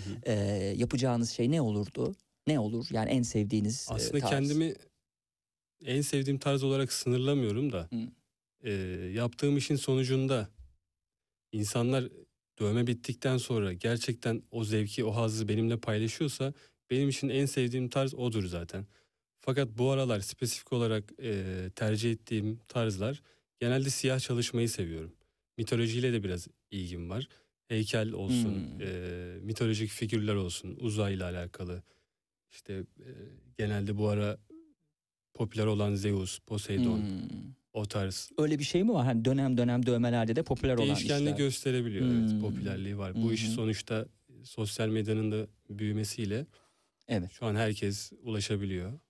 İstediği görseli, istediği sanatçıya. Onun dışında geometrik çizgileri çok seviyorum. Evet ben de şimdi gezinirken görüyorum eee, onlara özel bir ilginiz var. Peki bu e, Maori dövmeleriyle ilgili? Maori ile alakalı evet konuşacağız. Size de yakın zamanda bir Maori dövmesi yaptık. Evet. Tam istediğim ten rengine sahipsiniz. Beyaz ten bu işte çok iyi e, ortaya çıkarır yaptığımız Ha. dövmeyi tüm detaylarıyla. Evet. E, Maori dövmesi de şöyle Ee, Yeni Zelanda'da Maori halkının, Maori kabilesinin diyelim e, yaptırdığı dövmeler aslında. Hı hı. Savaşçı ruhu temsil eder, gücü temsil eder. Ee, genelde yüzlerini çok yaptırırlar. Asker, e, o dönemde savaşan Hmm. insanlar. Hı hı. Ee, kadınlar güzel gözükmek için Maori dövmelerini yaptırırdı. O zaman da Maori halkı o dövmelerin adına Moko demiş aslında. Hmm. Moko'dan yola çıkarak bu iş sürmüş. Niye Hala da yaptırıyor popüler. insanlar bunları mesela Ortalama- yeni ze- şekil olarak mı güzel geliyor acaba insanlara? Ee, karşı tarafa üstünlüğünü, Hmm. e, gücünü Hmm. daha böyle yırtıcı bir şekilde göstermek için aslında başlangıçta tercih etmişler. Evet. Ya oradaki simgeler karşı tarafa biraz e, korku veriyor açıkçası. Ee, beyaz ten değil mi? Doğru anladım. Evet. Yapıla, yapılması en Hı rahat olan yer. Peki esmer tenlilerde de ben çok görüyorum dövme. Orada da güzel durduğu oluyor sanki. Yani esmer tenleri de yaptığımız oluyor. Fakat onların e, dövme tercihi yaparken çok renklilere kaymamaları gerekiyor. Hmm, renkli dövmeler. Evet, renkli dövme bence beyaz tenlere daha çok yakışıyor. Hı hı. Genelde siyahın yanına kırmızı, pastel tonlarında e, tercih etmelerini istiyoruz. Esmer olanlar için. Ben de bir şekilde son dönemlerde biraz esmerleşmiş olabilirim. Tabii rüzgarın etkisiyle, solaryum etkisiyle. Ee, hani sonradan esmerleşmek ama bir dövmede olumsuz bir şey yaratmıyor herhalde. Yok yani ama solaryumu çok tavsiye etmiyoruz. Dövme yapıldıktan sonra Aşk olsun şimdi mi söylenir bu? e, dövmeden sonra ilk bir ay çok önemli. ha, Hem bakım süreci hem de e, deniz denize girmeme konusu, havuzu, deniz, güneşlenme bunlar etkili oluyor. Evet. Dövme pigmentlerini çok hızlı etkileyebiliyorlar hmm, e, iyileşme aşamasında. hmm, Ama sonrasında bir sorun teşkil etmiyor tabii. İstediğiniz kadar solaryuma girebilirsiniz. evet. Dövmenin tarihi milattan önce 300 bin 30 30 bin 30 pardon bin yıla yıllara kadar dayanıyormuş. evet, dayanıyor. evet. Fakat e, bilimsel 300 bin dedim inanılır gibi değil. insanlık tarihi Evet. e, başlarından beri dövme izleri gözükmüş mumyaların üzerinde. Yani Hmm. eskiden zaten e, obsidyen diye bir kaya var. Çok keskin e, taşlardan çıkıyor. Onların sivri uçlarıyla işte balık kılçıklarıyla ondan sonra köpek balığı dişleriyle dövme yapıldığı e, araştırılmış bulunmuş bir şey. Kızılderililer değil mi? Eski evet, Mısırlar. Kızılderililerde Hmm. özellikle Kırgız Hmm, Hun Türklerinde hmm. çok popülermiş. Hun Türkleri mesela ne yaparlarmış daha çok? yani Hun Türkleri Çünkü ben hiç duymamışım. Hani Kızılderililer ve. Maori evet. o dönemlerde tabii Kurt savaşlar dövmesi mi yapıyorlarmış? Ne yapıyorlarmış? yani onlara ait net bir dövme Hı hı. şekilleri yok fakat eee, karşı tarafa asil ve kahramanlık Hmm. simgelemek için dövme Hı hı. yaptırırlarmış. Hı hı. Yani eee Hun Türklerinde bunu temsil ederken yani bir kahramanlığı temsil ederken Roma'da ise o dönemde Hmm. tam tersi suçlular ve eee, yani hapishane hapishaneye girenler genelde o dövmeleri yaptırılmış. Çok enteresan. Düşünsenize e, Orta Asya'dan gelen bir Türk e, Hı elini kolunu sallayıp e, e, Anadolu'ya geldiği zaman o asil dövmesini sergilerken e, bu- buradaki Anadolu'daki algı o zaman tabii Roma İmparatorluğu Tabii. Anadolu'ya uzandığı için e, bunun suçlu ya da bir kanun kaçağı olarak Öyle yaftalanması sonucunu doğuruyormuş. Değil mi? Enteresan. Aynen. Az önce Osmanlı'dan da bahsettiniz. Aysel. Osmanlı çok şey. Var. Burada da şöyle e, beylikler arasındaki mesajlaşmaları sağlamak için e, ulakların kafalı kafa derilerine yapılan dövmeler popülermiş o zamanlar. Hı. Yani saçları kazınırmış. e, karşı tarafa gönderilmek istenen mesaj kafa derilerine yazılırmış. O sırada da tabii ulak aylar yıllar sonra vardığı için gideceği yere saçları tekrar uzarmış. Hmm. Gittiği yere yani mesajı ulaştırmak istediği kişiye Hmm. Vardığında kafası tekrar kazınarak mesaj okunurmuş. Bu şekilde Niye parşömene yazmıyorlarmış? Ee, üzerinde bulunmaması için Ha. yolculuk sırasında Ha. üzerinde bulurlarsa eğer e, Evet. öldürülme olasılığı var. Evet. Bununla alakalı. Evet, enteresan. O Enteresan adam da bir seferlik değil mi? Çünkü bir defa Yani mesaj bir ulak- verince o zaman tabii lazerle sildirme yöntemi yok. Değil mi? Aynen. Yani artık işin bitti bir, bir ulaklıksın haberi Bir verdin ulaklık. tamam bitti. Evet Aynen. ilginç. Sonra baş kulaklar. Evet eee, peki tattoo kelimesi yerli Tahitçe Evet. değil mi dilinde? Tahitçe dilinde tavu tavudan geliyor. Ne demek o?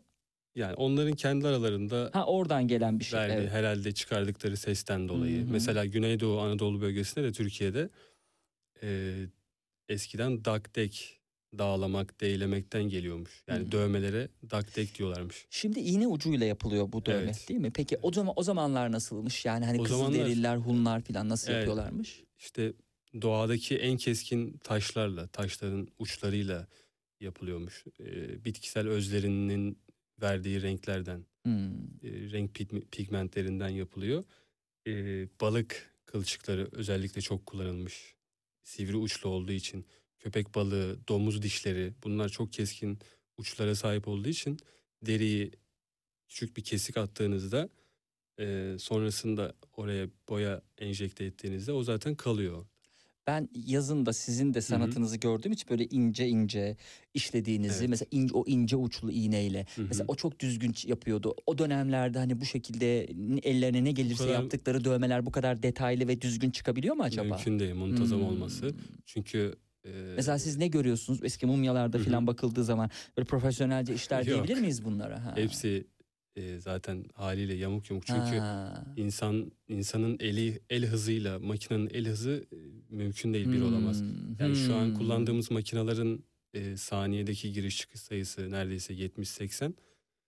E, burada dümdüz yani kalemle bir kağıdı çizer gibi çizim yapabiliyorsunuz Hmm, makineyle. hmm. O zamanlarda mümkün değil tabii. Peki teknoloji de adım adım gelişiyor her şeyde. Kesinlikle. Her 10 yıl sene önceki makineyle şimdiki makineyi karşılaştırdığınız zaman ne görüyorsunuz? çok Bir şey- büyük şunun için söylüyorum. Yani 10 yıl önce yaptıran, dövme yaptıran Hı hı. kişiyle şimdi yaptıran dövmenin yaptıran kişinin detayı ya da Etkisi- gölgelenmesi anlamında nasıl bir fark oluşuyor? Etkisi çok aşikar. Yani dövmeden anlamayan bir insan bile eski makineyle Hmm. yapıldığını biraz anlayabilir. Çünkü Hmm. eski makineler biraz daha ağır oluyordu. Hmm. Ağırlık da eli çabuk yoran bir şey. Titremesini e, önemli derecede etkiler. Şimdiki Hmm. makineler daha hafif, Hı daha ergonomik tutuş olarak. Hı. O yüzden daha rahat yapılabiliyor. Peki ilk nasıl bir dövmeyle başlamalı sizce? Çünkü bu devamı gelen bir alışkanlık Evet, oluyor değil mi kesinlikle öyle. sonrasında? Mesela siz bile hala düşünüyorsunuz yeni bir dövme yaptırsam mı? İlk yaptıranlar için şunu tavsiye ederim. Daha çok nereye yaptıracaklarına karar vermesi gerekiyor. Hmm. Vücudunda hani ben nerede dövme görsem mutlu olurum. Hmm. Fark eder mesela bir kaplan dövmesi düşünün bacak ya da ne bileyim kol Şimdi ya da şöyle e, önce bölgeyi seçip Hmm. o bölgeye uygun e, kolun örneğin bir O zaman ilk sorum şu olsun. İlk hangi bölgeye yapılmalı o halde? ben şunu tavsiye ediyorum. Özellikle e, sürekli görmeyeceğiniz bir bölgede olursa Hmm, başlangıç sıkılınca. olarak evet Hmm. daha iyi olur. Ö- Hmm. Dövme ile bir e, bir bağ kurmanız lazım. Yani her gün Hmm. kalktığınızda sürekli göreceğiniz bir yerde olursa zamanla hani aradan birkaç yıl geçtikten sonra "Ulan ben ne yaptım? Keşke yaptırmasaydım bu dövmeyi Hmm. diyebilirsiniz yani. Hmm. Öncelikle omuz, e, Hmm. sırt bölgesi, işte kolun iç tarafları. Hmm. Genelde bunları tavsiye ediyorum. Peki omuz diyelim ki bölgeyi netleştirdi. Evet. Omuza mesela benim aklımda bir şey yok sen ne öneriyorsun dediği zaman bir Hı şey söylüyor musunuz yoksa git düşün öyle gelme diyorsunuz. Nasıl bir yol izleniyor burada? Genelde- Kafası karışık e, yeni İns- dövmeye başlayacaklar Evet. için. Az çok kafalarında bir şey oluyor aslında. Şu an Hmm. her mecrada karşısına insanın bir dövme çıkıyor, dövme modeli çıkıyor aslında. Hmm. Hayatta yaşadığı önemli bir olay olabilir. Hı hı. e, ruhunu yansıtan bir şey olabilir. Bazıları e, yani genelde hobilerine göre de değişebiliyor. Hı hı. Denizle çok alakalı olan birine mesela köpek balığı ve Hmm. denizle alakalı yelkenli dümen, çapa bunlardan yola çıkarak bir tasarım elde ediyoruz. Omuz bölgesi ne istiyorsa oranın e, formuna göre bir dövme seçmesini Hmm. tavsiye ediyorum. Yani dikey bir bölgeye sahip olduğu için omuz yatay bir model seçmemeli kendine. Hmm. Yani omuzu dolduracak bir Hmm, model seçmemiz hmm. lazım. Ha, dolayısıyla sizin e, önünüze bir şeyle ge- gelindiği zaman hı. bir modelle e, bir dakika hani bu buraya olmaz da diye diyorsunuz tabii yani ki. yönlendiriyorsunuz. Kesinlikle. Yani o bölgeye uyacağını düşünmüyorsam e, farklı bir model yapması, seçmesini tercih Peki en acıyan yer neresi? Yani hani burası olursa Hı hı. can e, diğerlerinden daha fazla acır denilen bölge. Yani genelde e, genital bölgeler çok acıtır. Aa. Boyun bölgesi çok acıtıyor. Ha, boyun. Ha. Evet. E, koltuk altı Ha. keza çok acıtır. Yani sinir doku hücrelerinin nerede Bacağın mesela arka tarafı kalf aşağı bölgesi doğru. evet Hmm. orası da bir tık acıtıyor ama e, yeni makinalarla o kadar da acı çekmiyorsunuz. Ha, çekilmiyor değil Evet. mi? Güzel. Uyuşturucu kremler var. Gerektiği yerde Hmm. onları kullanıyoruz. Hmm. Zaten ortalama insanların dövmeye hani dayanıklılık süreci Hmm. 3-4 saat ortalama. Hmm. Çok uzun çok uzun sürecek olan dövmeler varsa onları seans seans bölüyoruz. Size yaptığımız gibi. Be- Benim dövmem 20 saat filan Sa- 22 saat filan evet, sürdü. toplamda farklı 20 saati farklı geçti. zamanlarda yaz 3 aylarında. seansta bitirdik. Evet. Siz de bayağı dayanıklı kategorisine. Evet, radyodan öyle dayanıksız gibi de kulağa gelebilirim ama e, gördüğünüz gibi bilir kişi de e, hakkımı verdi sevgili ağrı dinleyen. eşiği hiç e, öyle göründüğü gibi değil yani. Peki yarıda bırakıp kaçanlar ol yani bu kadar dayanabiliyorum diyenler? Çok acıyor diyenler oluyor. Biraz Ha, naza çekenler de oluyor ha. tabii. Ama yarıda bırakıp kaçan olmadı herhalde. Yani çünkü kadar. yarım bırakılan Yani. iş hayatı boyunca taşıyacağı bir iş Sadece için. seansa bölüyoruz. Hmm. Şimdi e, peki en fazla acıyan bölgeyi konuştuk. İnsanlar yurt dışına gidip dövme yaptırıyorlar bir kısmı. Evet. E, yani Türk dövme sanatçılarına belki hani e, mesafeli e, yaklaşılma ya da ne bileyim belki bir ukalalık olabilir bir şey olabilir bilemiyorum. Pek azı tatmin edici bir sonuçla Evet. geliyor diye görüyorum. Ne diyorsunuz bu? Türkiye'de dövmeciliğin e, bu kadar popüler olması aslında son 10 yıl Hmm. diyebiliriz. Eskiden bu kadar iyi sanatçılar yoktu.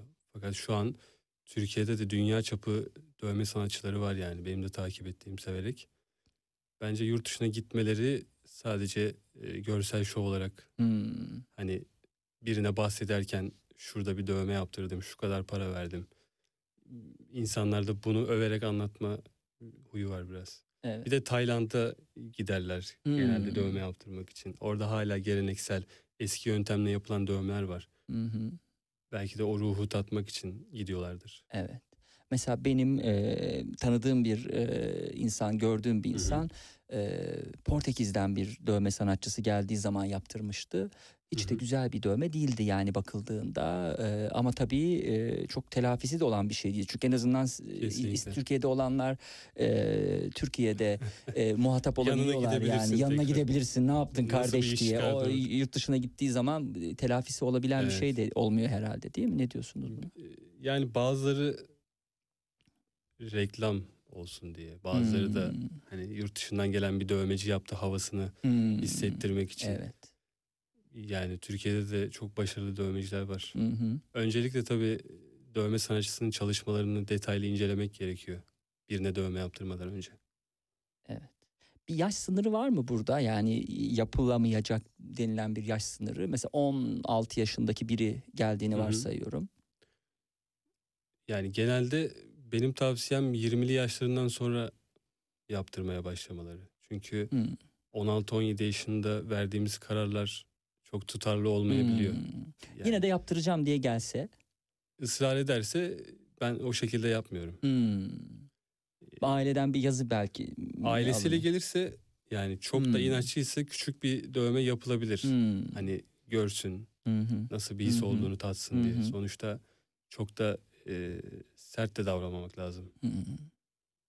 Yani ben orada o şekilde reddedersem başka birine gidip çok berbat dövmeleri de yaptırıp daha da pişman olabilir yani. Hmm. Ben olabildiğince en minimale çekmeye çalış çalışıyorum isteğini. Hı. Peki e, kaç dövme yapmışsınızdır şimdiye kadar Özkan Gültekin?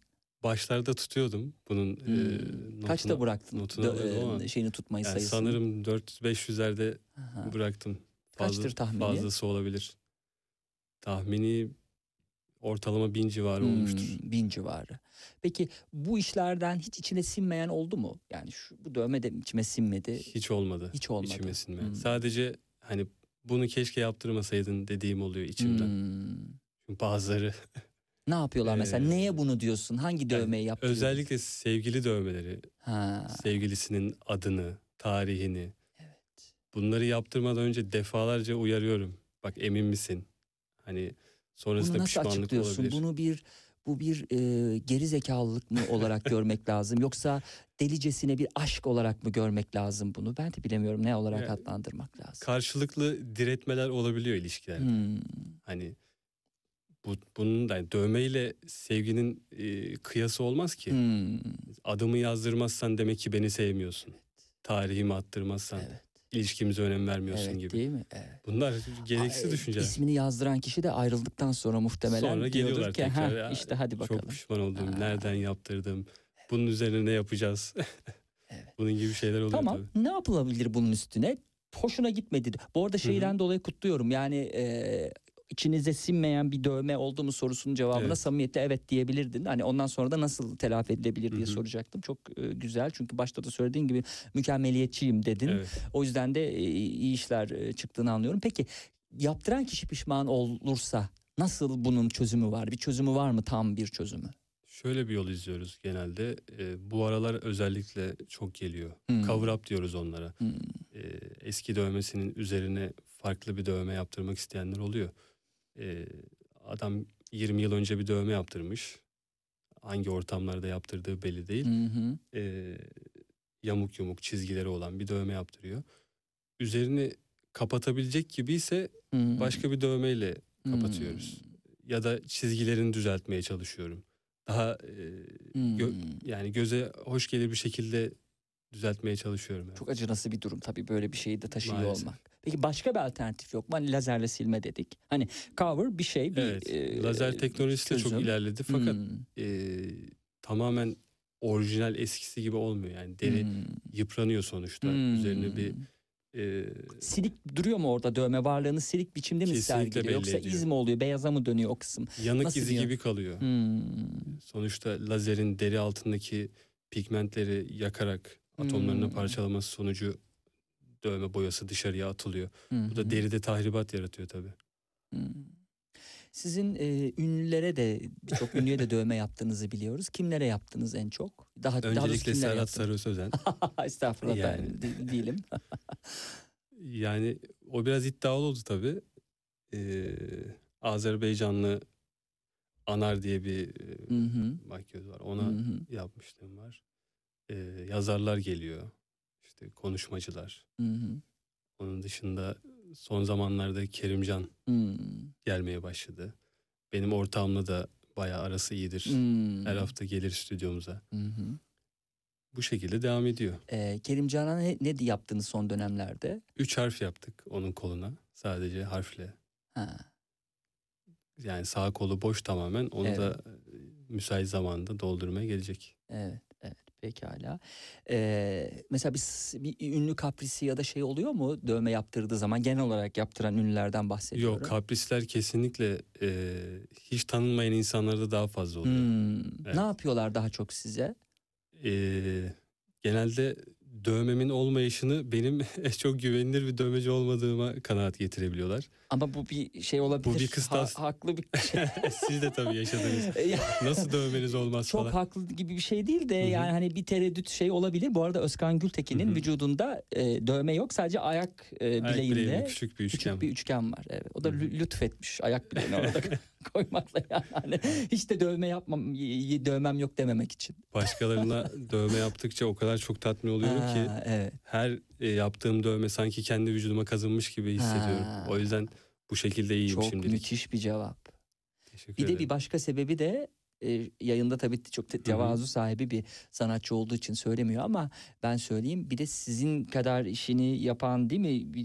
Nasıldı o? Hani gü- güven duyma anlamında. Kesinlikle yani e, benim gibi düşündüğünü bilmem lazım. Dövmeyi yaptıracağım kişinin Hı hı. e, yani kusursuz bir iş çıkarttığına inanırsam tabii ki Hmm. kendimi teslim ederim. O zaman şunu anlıyorum. Hı hı. Kusursuz iş çıkartan sizin gibi birini tanımadığınız için dövme Evet, dünyasında bire- yaptırmıyorsunuz. Birebir Türkiye'de o şekilde tanıdığım yok. Hmm, peki.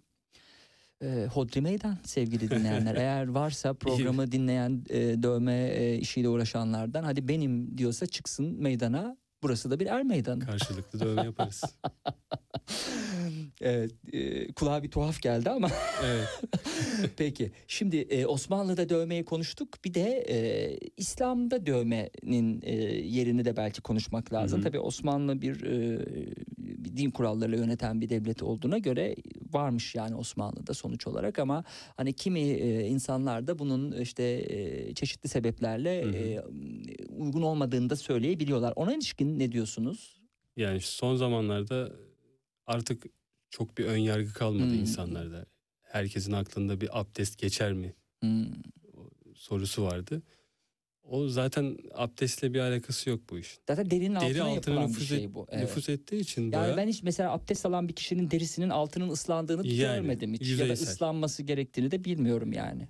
ben de bilmiyorum. Evet. Derinin altına suyu Değil mi? nüfuz Derinin edemez altına yani. iğneyle herhalde abdest Evet. alırken Ya aynı zamanda sıkıyorlar. dövmenin üzerinden tekrar e, Hmm. kıllar çıkmaya başlıyor. Hmm.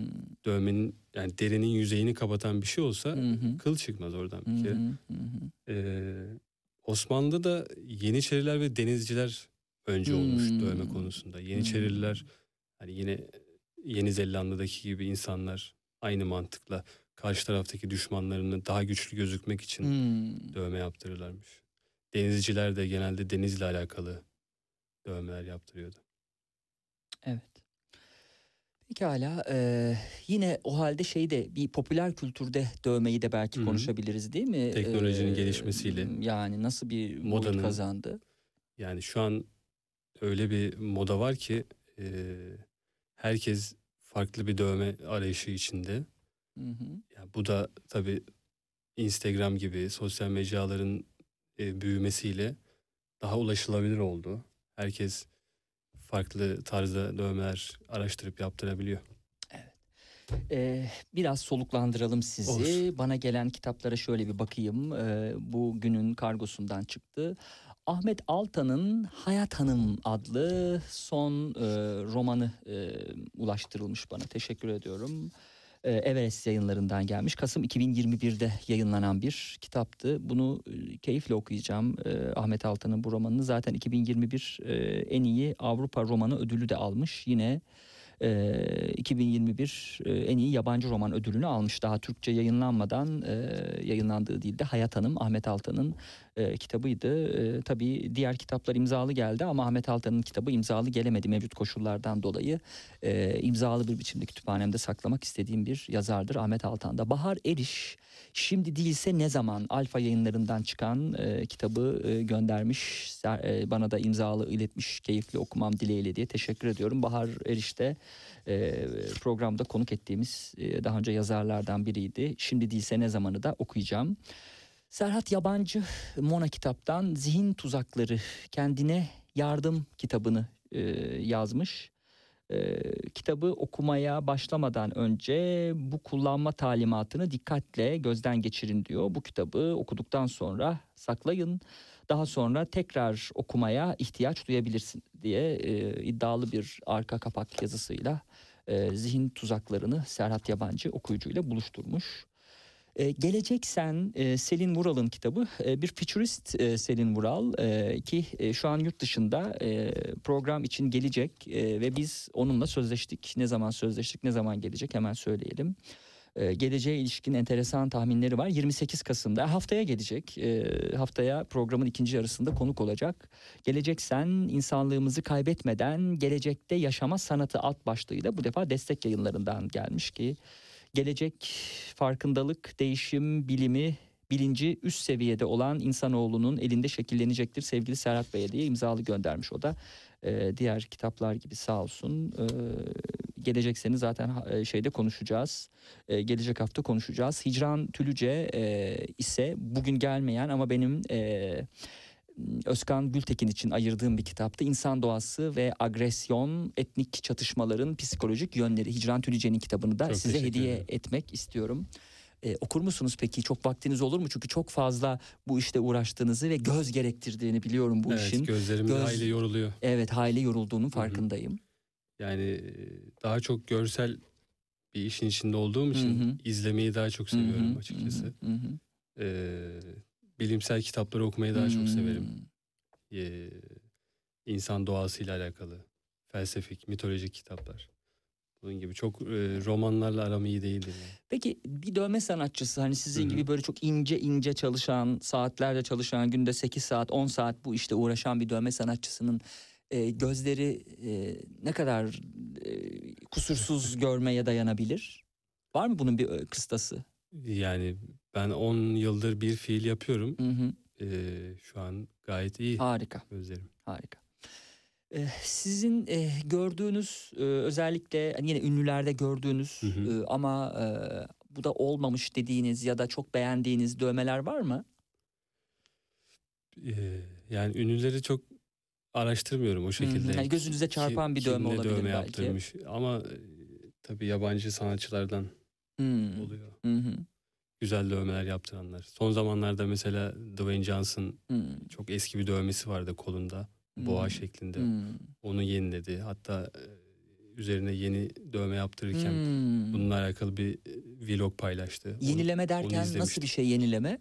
Yani az önce bahsettiğimiz gibi cover yaptı. Ee, Bir boğa vardı çok küçük. Aha. Eskiden yaptırmış Aha, sanırım. aha. Onun üzerine e, bir boğanın kafatasını yaptırdı. Ha. Çok büyük bir Aha. formda. Zaten kolları da normal insan kolu gibi olmadığı için dövmesini izlemiştim. Cover olabildi. Evet cover Ha, olabildi. Çok aha. güzel gözüküyor. Aha. Ee, Netflix'te de bir program vardı. Ee, Hı Bu yine dövme yaptıran kişiler, memnun olmayan kişiler Evet. e, cover yaptırıyorlar. E, her bir bölümde işte başka bir kişi cover yapıyor. E, cover da çok e, zor, Evet, zahmetli çok ve zor. e, çok iyi neticeler çıkarabilen Çoğu bir iş. dövmecinin e, istemediği bir iş. Hmm. Genelde coverla Hmm. uğraşmak istemezler. Hı, Sonuçta karşı tarafı memnun etmek çok zor. hı. Hani alttan hala gözüküyor. İşte bu da Gözükür mü peki alttan hala? çok koyu yapılmışsa eğer eski dövmesi e, Hmm. bunu açık bir renkle kapatmak mümkün olmuyor zaten. Hmm. Yani başkaları da kapatmak için e, koyu bir dövmenin üzerine renkli bir dövme yaptığı zaman tabii Hmm. altta iyileştikten sonra eski dövme gösteriyor kendini. Hmm. Aşırı derine de yap- yapıldıysa da sıkıntılı. Üzerine cover yapılmaz yani. Evet, her dövmeye de yapılmaz. Yok. Evet. Maalesef. Mesela ben yaz aylarında yaptığım dövmemin cover'ını istesem nasıl bir şey çıkar? Çıkmaz. Sizinki cover olmaz. Evet. Zaten ona da ihtiyaç duymaz. Duymayız. Evet. Evet. Gayet memnunuz halimizden. Bir sıkıntı Süper. yok. Yani soru da e, sormuş olmak için de bazen e, sorduğum bakidir. Şimdi e, yayının son e, 10 dakikasında e, hı. kafama takılan son birkaç şey soracağım. Tabii. Şimdi siz e, butik çalışan bir e, sanatçısınız. E, bir de e, mesela başka yerlerde olabilir firmalar Hı hı. böyle şubeli falan böyle çok e, Son zamanlarda janlı son zamanlarda dikkatimizi çeken yerler çıkıyor. Hı hı. O jan janla kanmalı mıyız?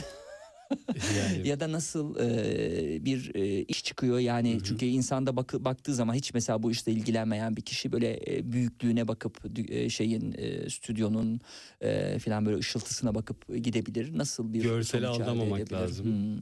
sonuçta herkes e, dövmeden çok iyi anlamadığı için Hmm. hani kaliteli bir dövme nasıl yapılır bilmediği için e, temiz bir stüdyo hani çok şaşalı bir stüdyo olsun bunlardan kötü bir iş çıkmaz düşüncesiyle giriyorlar.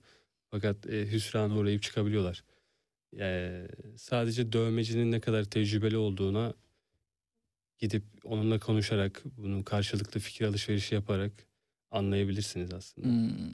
30 yıl önce iki Alman Evet. değil mi? İki Alman Ee, dağcı. Dağcı Bir mum. Alp dağlarında e, dünyanın en eski mumyasını, mumyasını keşfediyor, Evet, ve ne bizim e, e, buz karşımıza adam, çıkartıyor? Buz adam. Buz adam Ötzi Hı hı. adında bir e, kişi Hı hı. 49 yaşında o bölgede vefat ettiği e, saptanmış. Hı hı. Şu an bilinen en eski mumya zaten kendisi. Hı hı. 5200 yıllık. e, 46 yaşında ölmüş değil mi? 46, Öldüğü evet, anlaşılıyor. 46 yaşında. E, onun üzerinde de 61 adet dövmeye rastlanmış. Hmm.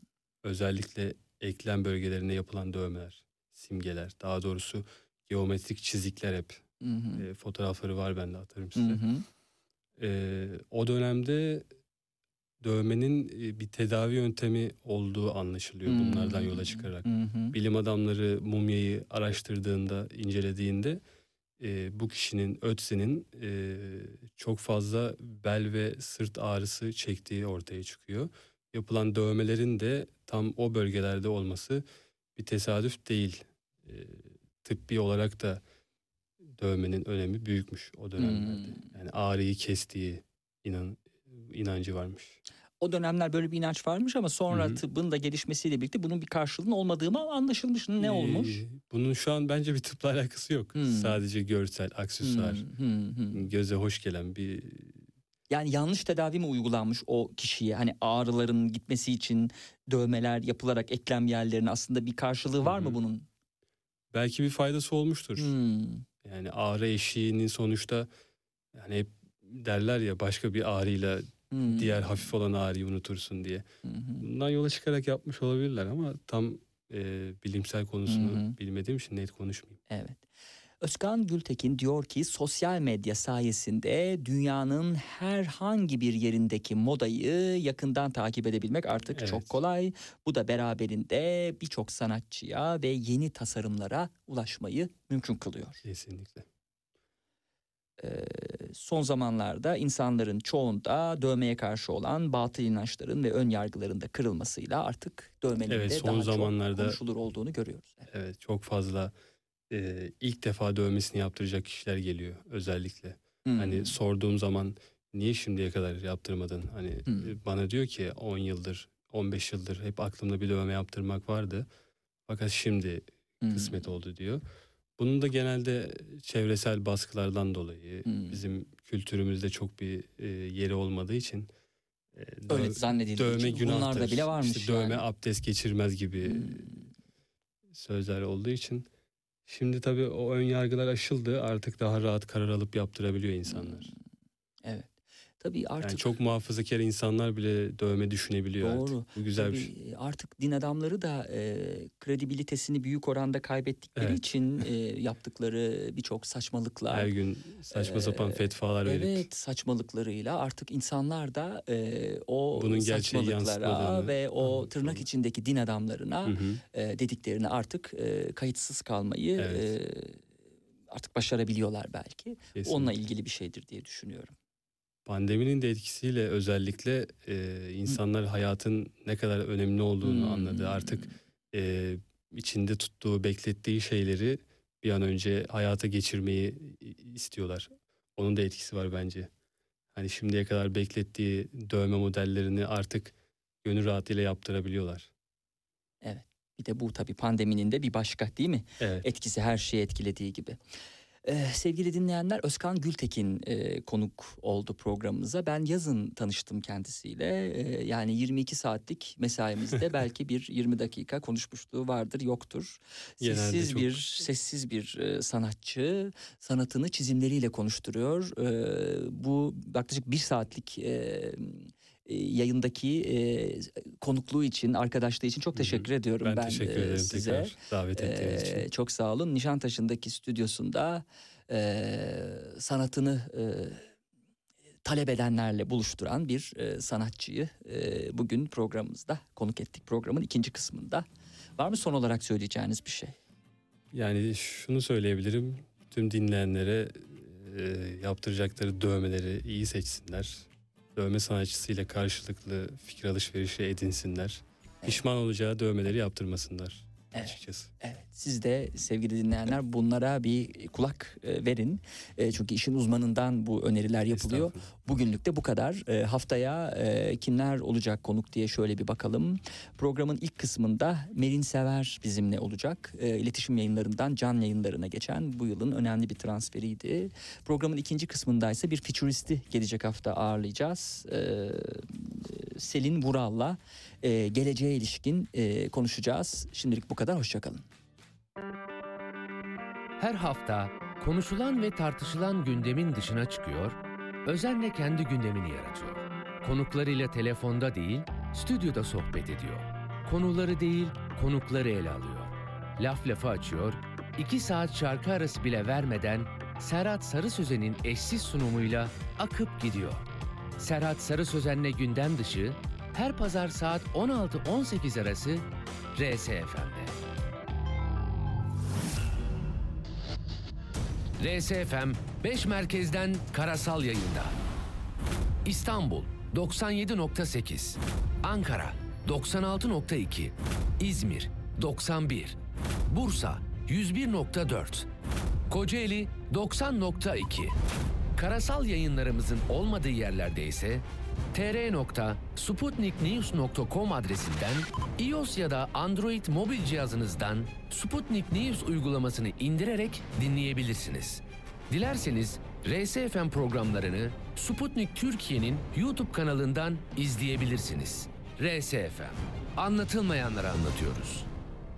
Radyo haberciliğinin güçlü sesi RSFM yeni yayın döneminde de haber dolu. Değerli dinleyenler bir canlı yayın için Hatay'a uzanacağız. Ardı ardına gelen sıcak haberler var. Hemen başlayalım. Türkiye'de koronavirüs yüzünden dün 70 Sıcak gündem başlıkları. Bugünün en önemli iki haberiyle başlayacağız. Dış politikadaki son gelişmeler. Ege de bu işe dahil oldu. Adaların silahsızlandırması meselelerinden Navtex savaşları var. Derinlemesine analiz ve yorumlar.